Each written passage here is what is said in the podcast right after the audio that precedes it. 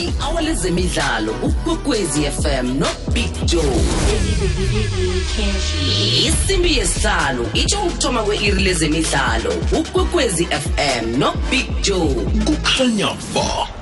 Nangambala sithoma iawale zemidlalo emhathweni kwekwez FM ngiyakwamukela mlaleli eh ngu Big Joe lo ke njengemhleni siyokukhamba nawe kubethe awale sithandathu namhlanje kungomvulo hey ngomvulo nje indwaye ezibeziningi khulu kodwa nasokulinga nje ukuthi siziminyezele. Nawe sikwazi nokufaka nawe kilo lelihlelo uveze wakho amazizo eh ukuthi phela veke ijamele njani ngehlangothini lezemidlalo. Sizokulinga nokuthola umbandulo wesicema seMarumo Gallants uDylan Care ke sicoce naye ukuthi bakhambe njani lapha eEgypt. Sizwe nje nezinye indaba esingakwazi ukuzithola kuyi hlangana nokuningi okwenzekileko eh bekunamaguduva eh uTank Davis ubethe lapha ke uRan Garcia ebeka ngakabe kubetshwa bekube kungosonto ekseni eh umbethevele imbambezi. Eh, ama body shots abhlungu ke zamaguduva emzombeni wekhomba. Umuntu wabhalwa kuphefumula kwabhala yokinto eh wajama jama ke walingalinga kodwa wazi kucela ngedolo wathi angisakhoni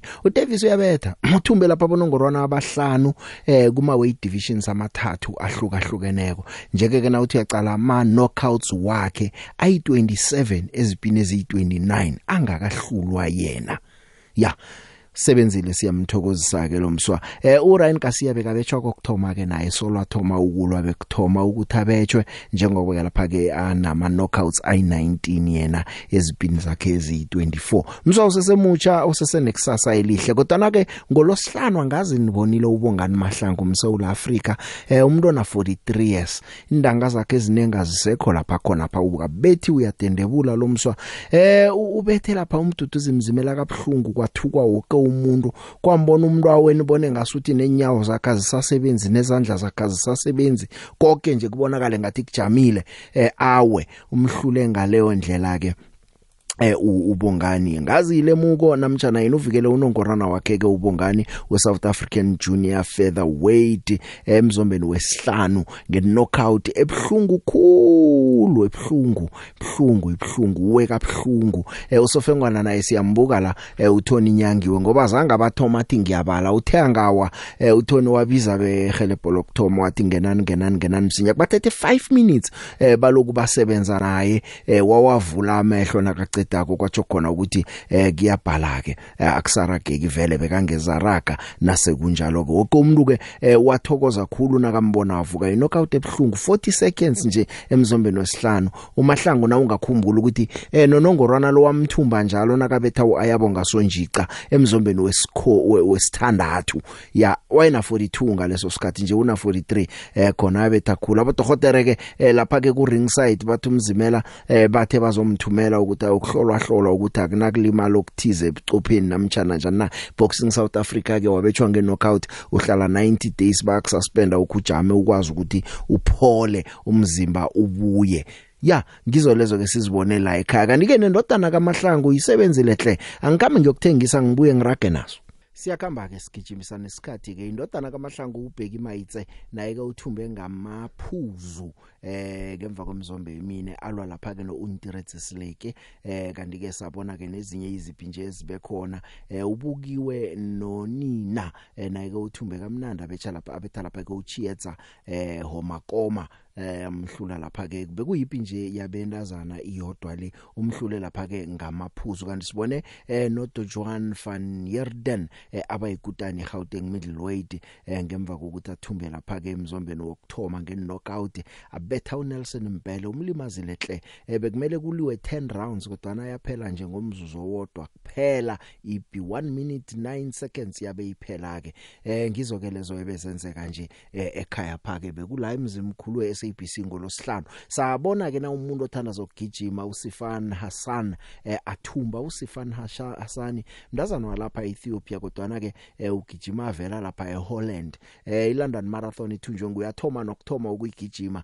Uyathoma ukugijima marathon kodwa ukuthumbile wahlula ikutani yama Olympics eh ku marathon kuma Olympics ikutani eh ngu Perez Jepcheche eh kanti ke ukhona lapha ke no Olemu Magedu. Ngiba baqalwe khulu kodwa ubachile uHassan Hassan ukhumbula ukuthi kuma Olympics uyikutani ye5000 meters uyikutani ye10000 meters eTokyo ukwenzile kwenzeka ke yena ke nakeza la uthe batsho net sagijima icede imarathon okuningi ke ngabacabange kodwa ke uthumbile ubachila bendazana bake kwathi lapha ke uAlemu Magedu weEthiopia eh, wathatha lapha ke ubujamo besibili weKenya uPerez Chepcheche ebebaqalwe khulu aba wathatha ubujamo besithathu. Ngikhuluma ngoHassan eh, mntazana wazenzela igama khulu kuma Olympics waka 2020 uzomkhumbula ke sinye isikhathi bekakhona ukugijima imikhakha emibili ngelanga elilodwa ithumbe yonke ngemadodeni kuKelvin Kitum eh, othumbileko uphule eh kokwakhe ke record lapha le London Marathon eh uthetheke irecord eliphethwe nguye nje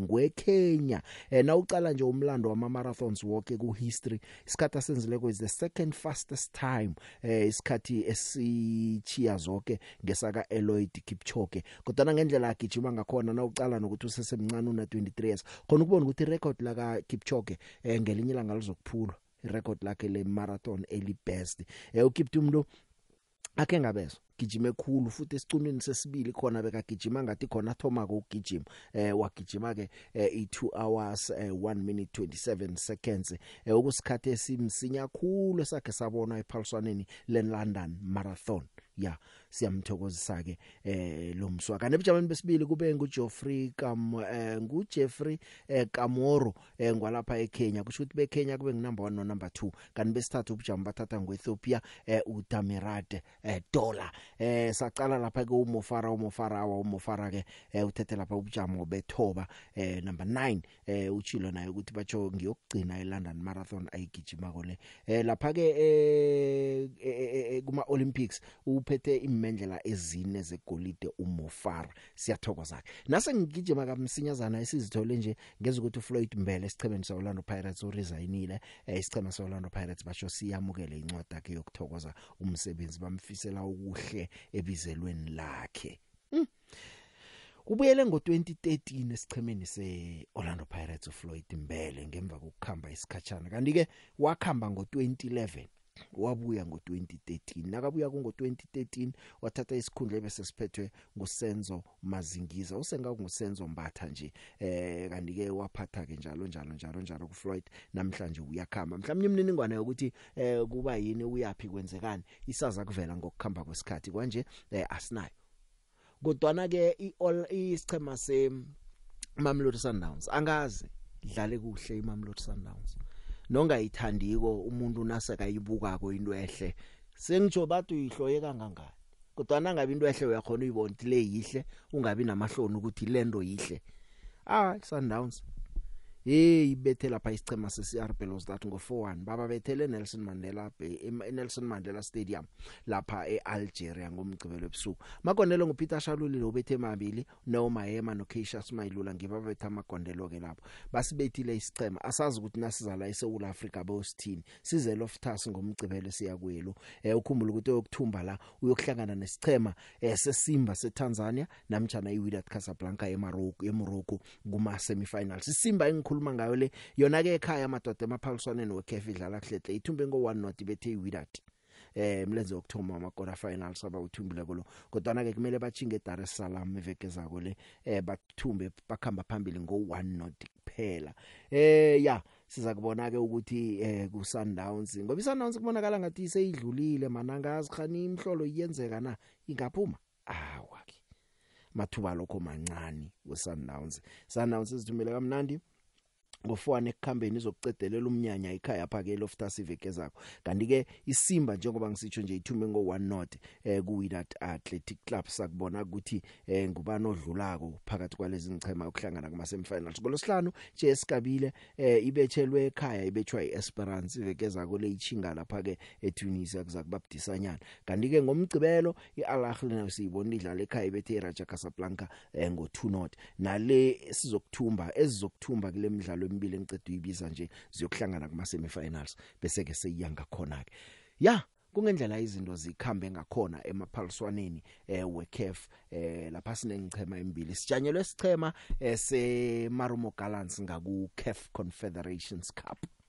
Marumo Gallants asivumelanini isebenze ukudlula lokho ebekulindelwa ama expectations wadlulile madoda. Eh nayibambe isichema esaloba kuma finals season epheleleko iPyramids bayibamba ngo 1-1 uhlalelana ungayibuki iSundowns ngendlela idlale ngakhona. Idlale kuhle iSundowns. Bekusele nje kancane sekumzuzwana ukuthi ithumbe kodwa nangazi kwenzekeni. Sokukhumalo sowathi ngaphakathi kwe18 naba cross iball waphakamisa izandla yambethi izandla lezi eh uRamadan Sobi ovalela phakathi ipenalty leyo ke eh badose phambili lapha umdlalo una 55 minutes. Uranga Chivaviru ubethe igondelo. Eh yathumba lapha ke eh kwabonakala ukuthi iza kuthumba ke kodwa na ke kwalinganiswa. Imarumo gallants le eh imarumo gallants eh na uyicala kungakelabo ihlangothi uranga Chivaviro lo eh ubethe lapha ke igondelo lakhe lesithandathu kileli Pulse 1 nje babambene lapha ku top goal scorer eh kilo leli Pulse 1 ubambisene lapha ke enomswa we pyramid uBen Yusuf kodwa ke bane 100% home record ngikhuluma ngemarumo gallants eh ekusipha ithembanyana lokuthi mhlawumnye ke ipyramids lebaza yibamba namtjana njani eh nange badlulile. Bayakuhlangana nesicheme siyokuthumba phakathi kweyanga eh neRivers.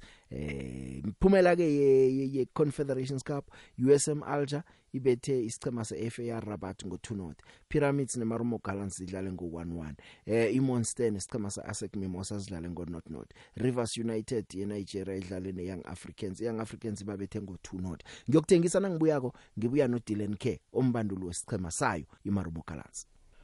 Imzuzu nje imachuma amabili nomzuzu owodwa ngemva kwehour lesihlanu. Nginombandulo radio now. eh hello coach.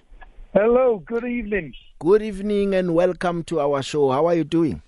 Always good when I'm on your show.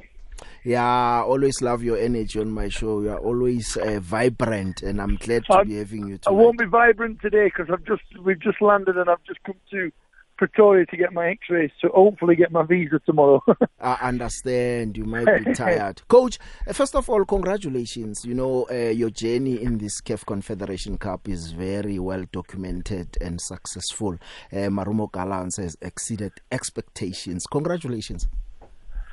Thank you. I mean, look, it's it, it all started before I came, and I'm just extending the journey. And you know, I, as I spoke to the chairman yesterday, and and, and just before the game, you know, if you if you can imagine, in three seasons since he took over the club, they've been in two Nedbank finals. They've been in the Confederations Cup twice.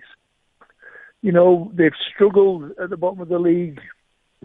You know, in in, in the PSL and you know he's, he's achieved so much in such a short space of time.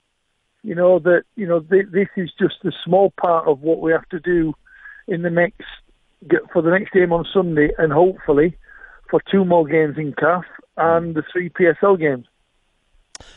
Coach, uh, I just want to know before we get into the field of play, I just want to know uh, your travel. How did you travel? Because it's well documented again that you had problems in Libya and everything that was associated with the team and the Libyan uh, businessmen. I just want to know how was your travel? Was it smooth enough uh, to Egypt? No, it was brilliant. It was brilliant. I mean, we were well looked after. The Egyptians uh, made us more welcome than you know going to Zambia and then going to uh, obviously Benghazi. Um, that was a, a I'll, I'll be honest, it was it was a disaster from the start.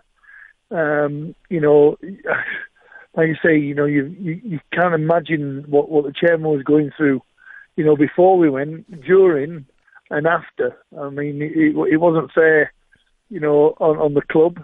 You know, there, there were things that, you know, that's not been spoken about in the media about how things will, what, what, things happened and how, how things happened. And it, and it wasn't good for, for footballers and it wasn't good for the club. And, you know, it, it, it was more that side than it was, than, than it was the football clubs. And, you know, unfortunately, two of our staff had to remain behind and you know, it, it, it's it's how people you know, try and take advantage of a situation. Mm, mm. Um, and, and and unfortunately, it was it was Marumo Gallants that ended up, you know, um, being the victims of this.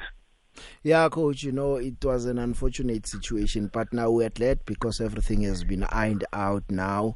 Uh, all is well. Let's just not dwell into the past. Let's look. Uh, they say you must live in the present and dream about the future. Uh, Marumo Gallants was some minutes away from uh, getting a win in Cairo uh, until that Don't penalty. remind me. until Don't that penalty. You know, I nearly fell from my chair. I was watching the game and I was like, "Oh, what is this now?" Take us through the emotions and the game as it was. Well, I mean, we we look, we we've had what five games previous in six games in in eighteen days, right? And then we had to travel to Egypt, which I mean basically takes you twenty four hours from Polokwane. So the preparations on the field were were non-existent. We had to do I had to do more video analysis and more team preparation in the in the, in the media room. You know, by you know analysing the strengths and the weaknesses of pyramids because they are physical, they are tall, they are strong, and they're, they're, they're a very, very good Egyptian team. So we, we couldn't prepare on the field, which, Mm. you know, is, is not, you know, ideal for, for a big game, as it were. But, you know, uh, I go through things with a fine tooth comb on the video analysis. So I was able to identify the strengths, identify the weaknesses, uh, but most most importantly was the, you know, we you know the the spirit in the camp had to be good. So be, before we, we before we um, the day before, obviously we travelled on the whole day. Uh, Friday morning, we'd left Polokwane at five, seven o'clock in the morning. Then we flew at two o'clock, and we landed in uh, Egypt at two o'clock. Uh, sorry, Thursday morning, and we landed at two o'clock Friday morning.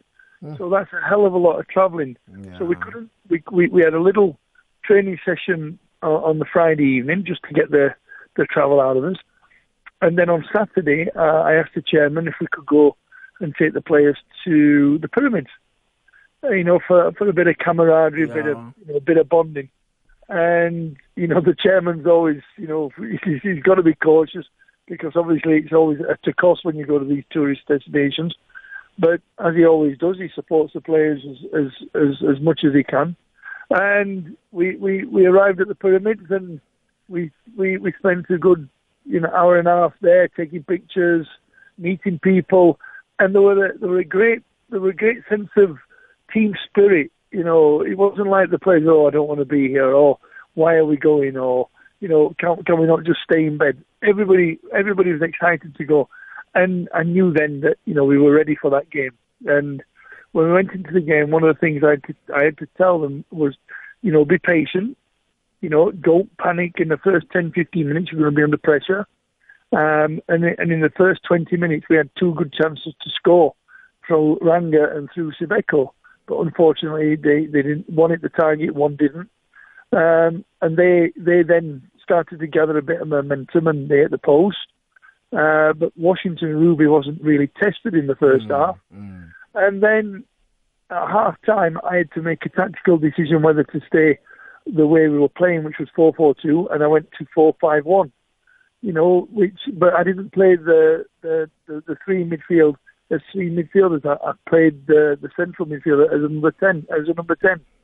You know, and it nullified their midfield, and that gave us the impetus. But I said to the players, go out and express yourself the way you know how to uh, because I see it every day. And what did they do? They took the game in Egypt against one of the biggest sides in Egypt, and they took the game to them. And Yeah. I'm I'm going to be truthful here. I was disappointed we didn't get four or five goals because we we we played some really good at- attacking football, and the home team was playing counter attack football.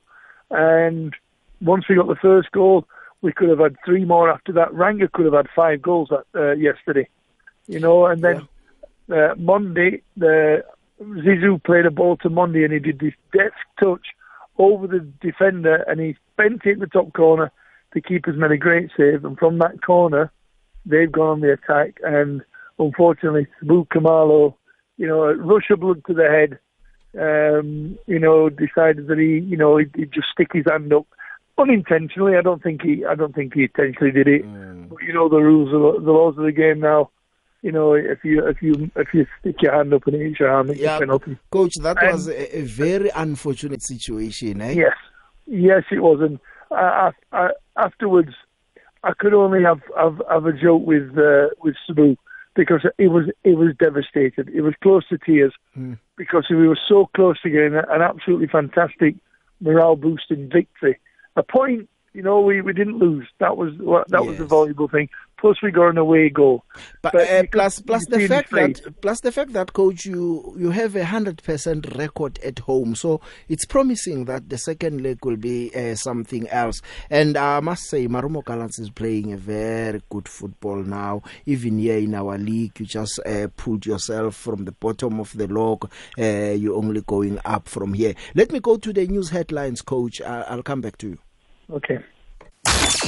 Li-hour lezemidlalo kukwekwezi fm nobig joe. Emnyakeni wamachumi amane wekwekwezi fm sisakulethela zemidlalo zisatshisa ngehlelo lezemidlalo fulela kwanethwa sihlabela phambili ke mlaleli sisisenaye umbanduli eh wesichema seMarumo Gallants uDylan K eh coach Coach, yes. are you still there? Yeah. Yes, uh, we're, we're still saying, you know, it was unfortunate that you played a draw. But now looking at the fact that you have a 100% home record in five CAF matches that you've played this season, uh, it's promising that uh, we can move on to the semi-finals. Hello, say that again. Sorry, it broke up then. Can you just repeat that? I'm saying even though you played a 1-1 draw, but looking at the fact that you have a 100% home record from five CAF matches this season, it's giving us hope that you will progress to the semi-finals. Yeah, that's the thing that I, I don't. I don't want. To, I don't want the players to think that. Uh, I don't want the thing, the mentality to be that, you know, because we did so well away from home, and we did do very, very well. Mm-hmm. Uh, anybody that watched the game, especially that second half, it was it was just one way traffic from Marumo Gallants and counter attacking football from a very, very good Pyramids team. And we we we cannot get uh, overexcited and think, yes, we're bringing them home and it's going to be easy. It's not. It's a quarterfinals. You know, you're one game away from a. Uh, when you get to the semi-finals, you're one game away from you know one of the biggest tournaments in in African club football. You know, so we've got to remain focused. We've got to remain, you know, with our feet firmly on the ground and not as heads in the clouds thinking, you know, it's going to be easy because it's not going to be easy because pyramids, they, they will have to, you know, they would have to respond like any other team that's not played well at home to go away and, and, mm. and try and get a result. So we've got to make sure in the next four days preparation that everybody's fit, everybody's healthy, everybody's mentally strong. Uh, and when we take them to Rustenburg, we've got to punish them and punish them the way we the way we should have done in the second half. And and I'm and I'm and I'm pleased at the attitude of the players because they they listen. They listen to instructions. They listen to the advice of you know how to play, um, and and and that's that's mm. something positive. Since I've arrived back at the club, it's been very very positive that way. All the best, coach. But now I just have two final uh, questions. I just want to understand how do you manage this traveling and coming back home and playing? Because I, I think now we've played maybe eight games in a space of uh, 20 or 20 days. so days. Uh, your players, how are they coping with that?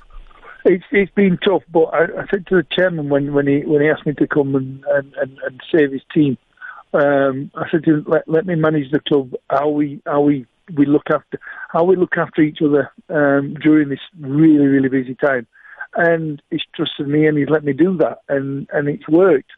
It's worked. We've we, have we have got to make sure. Like I say, we we trained on Wednesday. We travelled Thursday morning, so we didn't really train till Friday evening. And after having an 18 hours, you know, travelling uh, to, to to North Africa, we couldn't really do a good training session. Mm. Um, so I, you know, we have to we have to we have to manage them. And on on the Saturday, I thought it would be it was a great idea that Take them to instead the, of the players instead of the players laying in the beds and or lying next to the pool and just relaxing and chilling, we needed to go and stretch our legs and go and go and see one of the seven wonders of the world. And um, I'm sure my chairman, if you speak to him, he'll say, "What you know, what a great atmosphere! It, what a great atmosphere! The the the the, the, players."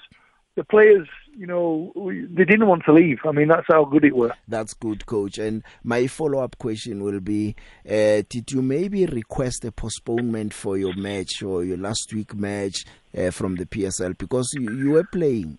and you had to play a CAF match on a Sunday. Did you maybe ha- request a, a, a, a postponement or what? We we, we did, but the, the PSL, you know, have, have given us the guidelines to where where we are in the season, and you know, it, it, it's not been fair. We could be speaking in a different language now if everything had gone the other way, and we are, we weren't doing well in the league, and we were knocked down mm. to the Confederations Cup. Yeah, coach, I'm, you know, as, I'm asking this because I just want to find the difference because Sundowns was granted a postponement for their game since they were playing uh, this weekend uh, CAF Champions League, and you were playing last week only two. I, two. I, can't, I can't comment on what the PSL do with Sundowns and what they do with the Gallants. You know, you know, it's one rule for one, one rule for everybody. You know, so um, you know, we, we, we're in the same boat as Sundowns. Sundowns can't complain that they're the only team. Mm. You know, but um, you know, we we just want we just want to put South Africa back on the footballing map. And we are doing a great know, job. And you're doing a and, great job, and coach. I'm trying to do that with everybody's help. My final question will be your work permit. You've long been here and coaching from the stands. How far is your work permit going? Well, I'm I'm, I'm heading to Home Affairs tomorrow, so um, we, we, I'm, I'm with the chairman. The chairman's just dropped me off at the Mediclinic in Pretoria. We've got to get the chest X-rays, a medical examination. Mm. So the paperwork's going to be submitted tomorrow. So hopefully, um, you know, we, we, we should be we should be singing and dancing. Hopefully. Why the, just, why this long delay, coach? Why this I long don't, delay? I I don't know. I really don't know. I don't. I don't. I've been in the system now for four years. Yes. You know, I've and I thought that will make country. things easier. Yeah, I mean, you would think, but obviously there's a process that we have to follow. You know, we don't we don't want to go around the back door. We don't want to go, you know, in in you know, in in a in a in a crooked way. We want to do it real. We don't we, we don't we, we want to follow the procedure. But you would think if I was if I would just arrived in the country, then yes. I would expect the delay. But you know, unfortunately, I've been here. I've got I've got five uh, work visas in my passport, and surely common sense would say, hang on let's just change the name. Let's just change yes, the name. The name of the employer. That's it. I've not. I've not left the country. I haven't murdered anybody. I've not been arrested. Coach. I've not. You know, I've not done anything bad. Um, but unfortunately, you know, we just want to do it the proper way and, and follow the protocols. Coach, thank you very much uh, for sharing your experience with us and wish you all the best going forward. Hopefully, we'll talk to you very soon. But for now, all the best. Go and rest, uh, manage your players very well, recuperate. Uh, please go through to the semi-finals and make sure that uh, Marumo Gallants doesn't get relegated. Thank you, and thank you for your listeners listening, and I hope it was okay. Thanks, Coach. Ciao. I-hour lezemidlalo ukwekwezi fm nobig joe. Isimbi yesihlanu itsho ukuthoma kwe-iri lezemidlalo ukwekwezi fm nobig joe. Kukhanya ba. Aka ke mlaleli nawe uzokuthola ithuba kodwa ke eh ngibuya ngizanganeno ke ekhaya. Yabona ekhaya kumnandi nakukhambe umbanduli esitsho kamnandi sithi bamcuthile. Eh ba siyayazi vele kuhle kuthiwa uresignile kuhle kuthiwa sihlezi phasi sakhuluma eh wagcina akhambile. Eh nokukhamba kwaka Floyd Mbele nokho akutsho ukuthi ngithini ni? Kodwana eh ya kungahle kube ngenye indaba ezinjengalezo zokuthi eh umuntu kuthiwe eh khamba ke nje. Then ke bese kuhlalwe phasi kulungiswa isisaza kuvela ngoba imbo inkulumo ziningi nesizithola zokuthi ayikhona bathe sesidinwe ngwendoda khamba waqothwa umuntu. Kodwa na ke i statement esiphumako ngizo lesokuthi umuntu uresignile esiza kubona ngokukhamba kwamalanga ukuthi kwenzekani ngoba nakumbando lukhona mina vele indaba ukuthi amicably so le vane ngingayithatha esikhatini esiningi. Eh mhlawumbe ngingayithatha ngithatha nange umbandula thumba bese kuthiwa ukhambile. Ngitawo ungalile wa resign umbandula odliwako odliwako bese kuthiwa yena wasikamcothi sesazwana ngokuthi akalise nje eh, samjamisa.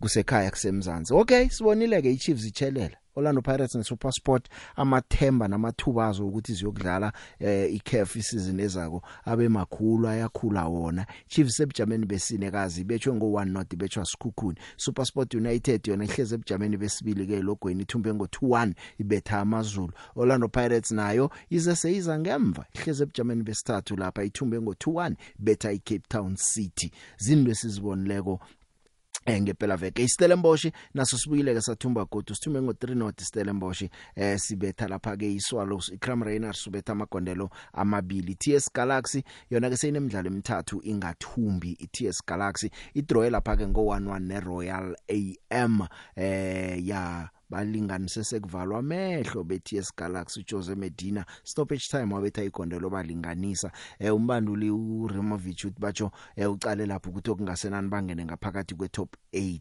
kanti umdlalo kuyathoma ngolosihlanu sabona uJinino Palace abetha igondelo lokulinganisa leMaritzburg United ngolosihlanu nebadlala u11 neRichards Bay itrole eh kuba ithokozele khulu bayithabele khulu bathi mhlawumnye bazakwakhela kiyo basuke lapha emsileni. Eh kodwa ke imidlalo ikhona ke yona ngiyakutshela mosikusasa kusakokho eh isannounce idlala ne Richards Bay Loftus ngo3 ngolosine iChipa ine Kaizer Chiefs e Nelson Mandela Bay ngo3 eh iswalo sine Maritzburg e Dobsonville ngo 5 ngomgcibelo Royal AM ne Cape Town City Chatsworth ngo3 iStellenbosch ne Arrows eTeni Craven ngo 5 amazulu anesikhukhune ne Moses Mabhida eh ngo8 bese ke iOrlando Pirates ne TS Galaxy ziyokudlala ngosonto ngo3 umdlalo omkhulu. Ngisakhuluma ngeTS Galaxy uTim Sukas umphathi wesicema sayo iTS Galaxy eh uhlathulule ke ukuthi uGiven Msimango eh bamthengiseleni bamkhambiselani ukuya isichimeni seKaizer Chiefs okujokhona ukuthi nangambala eh uyakhamba uGiven Msimango sayikhuluma ke nokho leyo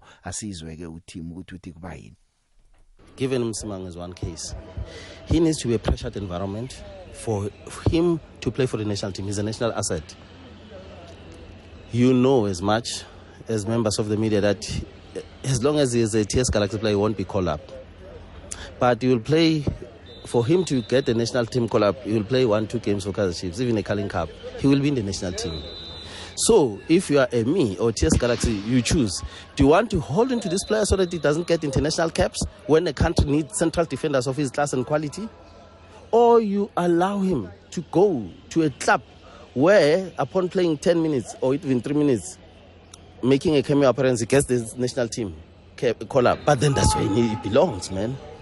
We command one of the best defensive record in this league as TS Galaxy. Uh, who has been spearheading our defense? Who has been our central pillar?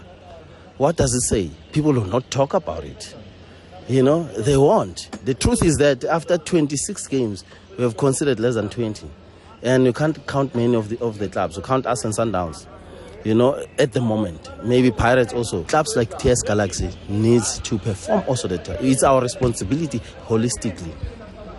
Forget about anything and everything that comes with it. Of course, whatever that comes in, in, in those type of uh, transactions, we would re- always reinvest in the club. Right now, the club is self-funded, but it's thriving. It's playing top level football that South Africans wants to see. You know, it competes and uh, with clubs you know, who have got budgets in hundreds and millions of rands or more. Clubs like TS Galaxy needs to perform also the time. It's our responsibility holistically. Forget about anything and everything that comes with it. Of course, whatever that comes in, in, in those type of uh, transactions, we would re- always reinvest in the club. Right now, the club is self-funded but it's thriving. It's playing top level football that South Africans wants to see. You know, it competes and with clubs, you know, who have got budgets in hundreds and millions of rands or more. We can afford him, by the way, and he's not earning his, his small money, by the way, here, so that we are clear. You know, yes. So, but we can afford him. So the truth is, as long as he's here, he's not going to get a national team call up. It has, it is proven. It is proven. If I'm a national team coach, I'm selecting defenders. I will look in the league, domestic league, which club is performing defensively. You say this one, who are the key? At the very least, let me look at them and compare them. yangu Timsukazi batsha bakamthengisiswa imchono abakamthengisiswa indlala eh bamthengisela ukuthi akwazi ukuyokudlalela ibafana bafana. Msinyazana ke eh ku Mutsipe Foundation Championship Cape Town Spurs ihleze ebujabeni bokthoma ke nje eh, ngemva kokuthi ithumbe ngo2 not ngolosihlanu betha iPlatinum City Rovers.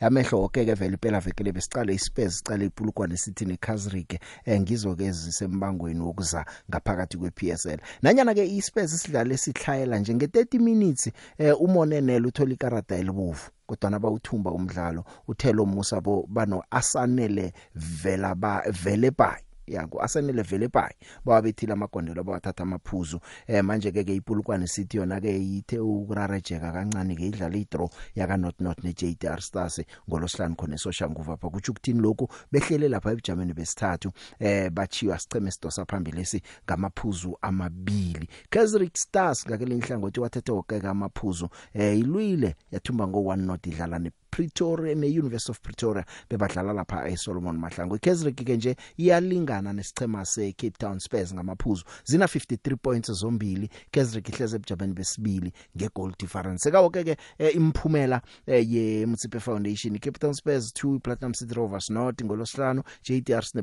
JTR Stars nePulukwane City sidlale ngo22 eh iLamasia ibethe iPretoria Killers ngo21 ngomgcibelo All Stars ibethe Baroka ngo21 Hungry Lions neBlack Leopards sidlale ngo not not Kaizersburg ibethe University of Pretoria ngo1 not ngosonto uthongathi neVenda Football Academy sidlale ngo11 TTM nemagesi zadlala lapha ke eh, ngo2 not kwathumba lapha ke iTTM midlalo ebeyikhona isikhathi siyagijima ke ngatsho. Eh ngizokufaka ama voice notes eh abembalo umuntu alingena akayithumela kube yifeatures namani into zinengi eh azikapheli indaba zinengi eh sengifuna nje ukuthi ngidlala ama voice notes wakho nemtatweni ngikwazi ukudobha lapha nalapha. Hlangana lapho ke ngizakunande ngiraga nezinye indaba ezikhona? Hey Big Joe Chingini Um Big Joe um ngo ngomgcibelo ke ngakhamba ngaya lapha na e kwamhlanga stadium ngayobukela iCurry Stars bayidlala namaTucks Uyazi I've realized something ukuthi kunemfiso neqiniso eh and then lokhu kokubili kukhamisana eduzane ekhulu and then mawungaka bawungakahlogomeli angeke ukubone ukuthi izinto ezingafaniyo. Eqinisweni elipheleleyo siyafisa sonke ukuthi Kaizer Stars must be promoted.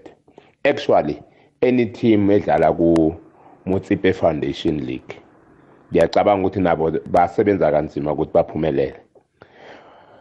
Mara iqiniso ukuthi ah Big Joe ibholo abayidlala kuleya is far from being professional. Yazi kubhlungu ukubukela abantu uzibuze ukuthi then ngubani oyokhipha abo Chipa United ku PSL mara amadoda makadlala ngalendlela eqinisweni elipheleleko angazi ukuthi iCastle iwine njani to be honest. Angifuni ukukhuluma manga angazi ukuthi iwine njani. Iwinile yona maybe istandard setax esenza ukuthi iCastle iwine. Mara for the reason ukuthi kune iposition ekiyo iCasrick ngicabanga ukuthi wonke amaklabha akumutsipe foundation la ayalingana but the standard is so poor Eh mandibingelele Big Joe engwandisile umlandeli weMamelodi Sundowns apha eCape Town eWoolsley. Eh Big Joe ndizawuphawula nje ngendlela iMamelodi Sundowns edlale ngakhona. Icoaches zethu ziyezahlakanipha phaya uba siqalise uThapelo Mrena. Ngithi halala halala mamelodi sundowns halala halala south africa halala. Hey sijabule joe. Sijabule joe angisabingeleli ngithi nje sijabule joe siyi-south africa sijabule kakhulu. Sabantu bebhola south africa into eyenziwe imamelodi sundowns joe. Ngithi phambili kamamelodi sundowns phambili south africa. Siyabonga joe siyabonga joe. Sibonge nangekokwesi f m isinikeza imidlalo eh enhlobonhlobo lapha. Eh emhashweni wakho Big Joe siyabonga kakhulu. Ayilenza iphutha ikwekwezi ukuthi sinikeze imidlalo. Siyakubonga kakhulu lokho. Eh ihamba phambili eh ikwekwezi FM eh lishaya ikhala ngaphansi leminye imisakazo. Ayipaswa impela ngoba lifikile ikwekwezi FM lifikile. So le jamene eNorth Cliff siyabonga Big Joe Eh mandibingelele Big Joe engwandisile umlandeli weMamelodi Sundowns apha eCape Town eWoolsley. Eh Big Joe ndizawuphawula njengendlela imamelodi sundowns edlale ngakhona. Iikhowusha zethu ziye zahlakanipha phaya uba ziqalise uthapelo mrena themba zwane and neo mayema. Laa nto leyo ithande ukubanceda kakhulu uba ii-attacking zabo ziye zaba ngamandla kakhulu and eh nalo mfana lo Baltuli lwaseMorocco lo mfana udlala kakuhle kakhulu la defender. And nabe nodlala kanje hayi star sesibini. Eh noba kanjani sona sizosifumana. Awande picture nanguthemba mahlango ihonyanywa likamzangobe picture mina ngiphukile ngilimele emoyeni. I-kaizer chiefs iyangiqova picture abakwazi abadlali abo kuyenza le nto abayenzako. Abayifeli team leya picture baledle khulu picture abayifeli. A- abalwi bafuna ukwenza into yabo yenzeke ngekani. Abanayo into leyo yokuthi ngekani siyawulala. Abanayo into leyo yokuthi ngekani la sifele emsebenzini. La abanayo into yokwaba picture Eh ngibingelela Big Joe ohlelweni lakho fulela wanethwa esilithanda kakhulu kusibhamu lokhulumayo. Eh ngidlulisa nje ukubonga phakathi kweMamelodi Sundowns neMarumo Gallants ukuthi bahambile bayodlala imidlalo yekhefu badlala kahle bathola imiphumela ekahle. Ngithi ngibafisela okuhle nangokulandelayo okulandelayo. Bese ke ngicasula nayilokuthi ke wena Big Joe i-Sundowns ifike namhlanje ekuseni kodwa kusasa kuthiwa iyadlala ne-Rangers Bay ngo-3 ntambama. Hayi hayi hayi hayi lapho ngivele ngiphelelwe ngamandla kangisazi. Eh sawubona Big Joe sawubona Big Joe hayi sizibonile ezemidlalo zidlalile Big Joe angiqondise lapho the wena i-JDR Stars nepolokwane City kube u-not not kube u-2-2 Big Joe bekulida ipolokwane City. O-1-0 yabuya i-JDR yathi 1 yathi 2 kungakapheli imzuzu emithathu ya-equalize ipolokwane City. Asibonge Joe omkhulu. Awanangithe not not kusho ukuthi sekwatshelela ilimi lakhuluma into eliyicabangako. Eh nami lapha na ungangibuza ngizokutshela ukuthi izidlale ngo22 kodwa nangabe ngithe not not ncancabeze ekhulu ukutshelela ilimi mfu akwande picture ngumushe lo weverina. Picture ngithokozisa nje ugervonta tank davis unkarile picture. Bengazi ukuyimela nanyani ukuyijamela indaba ubana bambethe. Manje nakathumbileko nje eish ngiyabona ukuthi kuba nekhona noma i-training camp erehe ama-results ayabonakala ekugcineni so big ups to him. Nathi inga i-sport seboxing singanikela ithuba ngokwaneleka esouth africa sinamaboxer atop and ingasiyachabalala kodwana-ke picture simnandi le sports. Abanye bethu we are big big big fans. Eh angithokoze picture ngimthokozise naye ujervonta ngithi big ups. Usemoyeni yeche hayatshe picture kunjani? Ngikhona kunjani? Hayi ngiphilele kokuqala nosathane. Mhm. Khuluma noselbe oresta sure selbi ah picture uyabona i-sundowns hayi mina bengazi ukuthi iyowina. Ya. Ya kepha uyabona imarumo ah picture ngiproud ngemarumo sebenzile maroom ah ngiproud picture ngiproud kakhulu ngemarumo yazi ngiyayifisela ukuthi ungathi ingazifika kuma-final picture and inga- ingayi naku-relegation. Ngathi sisazobona okukhulu lapha kumarumo ngendlela idlala ngakhona into ziyabahlanganela abathembisi ukuthi bazakugajwa lizemba sibathandazise nje ukuthi bokufika kuma-final. Abakhona kubalithathe kungaba kuhle khulu lokho. Ngaba kuhle khulu picture ukufisa kwami lokho and bangayi uh, kuma- ku-relegation ngikuzwile selbi ngiyathokoza. Akwande usemoyeni? Usemoyeni yecha akwande? Yebo. Qale ispace Eh picture ngithabe khulu mlandele Mamelodi Sundowns newe Casrick yangikhethu. Eh ngithabe khulu inhlapa zami ziwinile. Eh Big Joe ngithabele le Marumo Gallants ngendlela i- ijamele iSouth Africa ngakhona. Eh nami ngidanile man igoli lana lingenako nje ngama last minute. Mara kusena ndaba eh ngiyathemba bayafika ekhaya bazo kuzokuba nomehluko omkhulu ebazowenza Big Joe.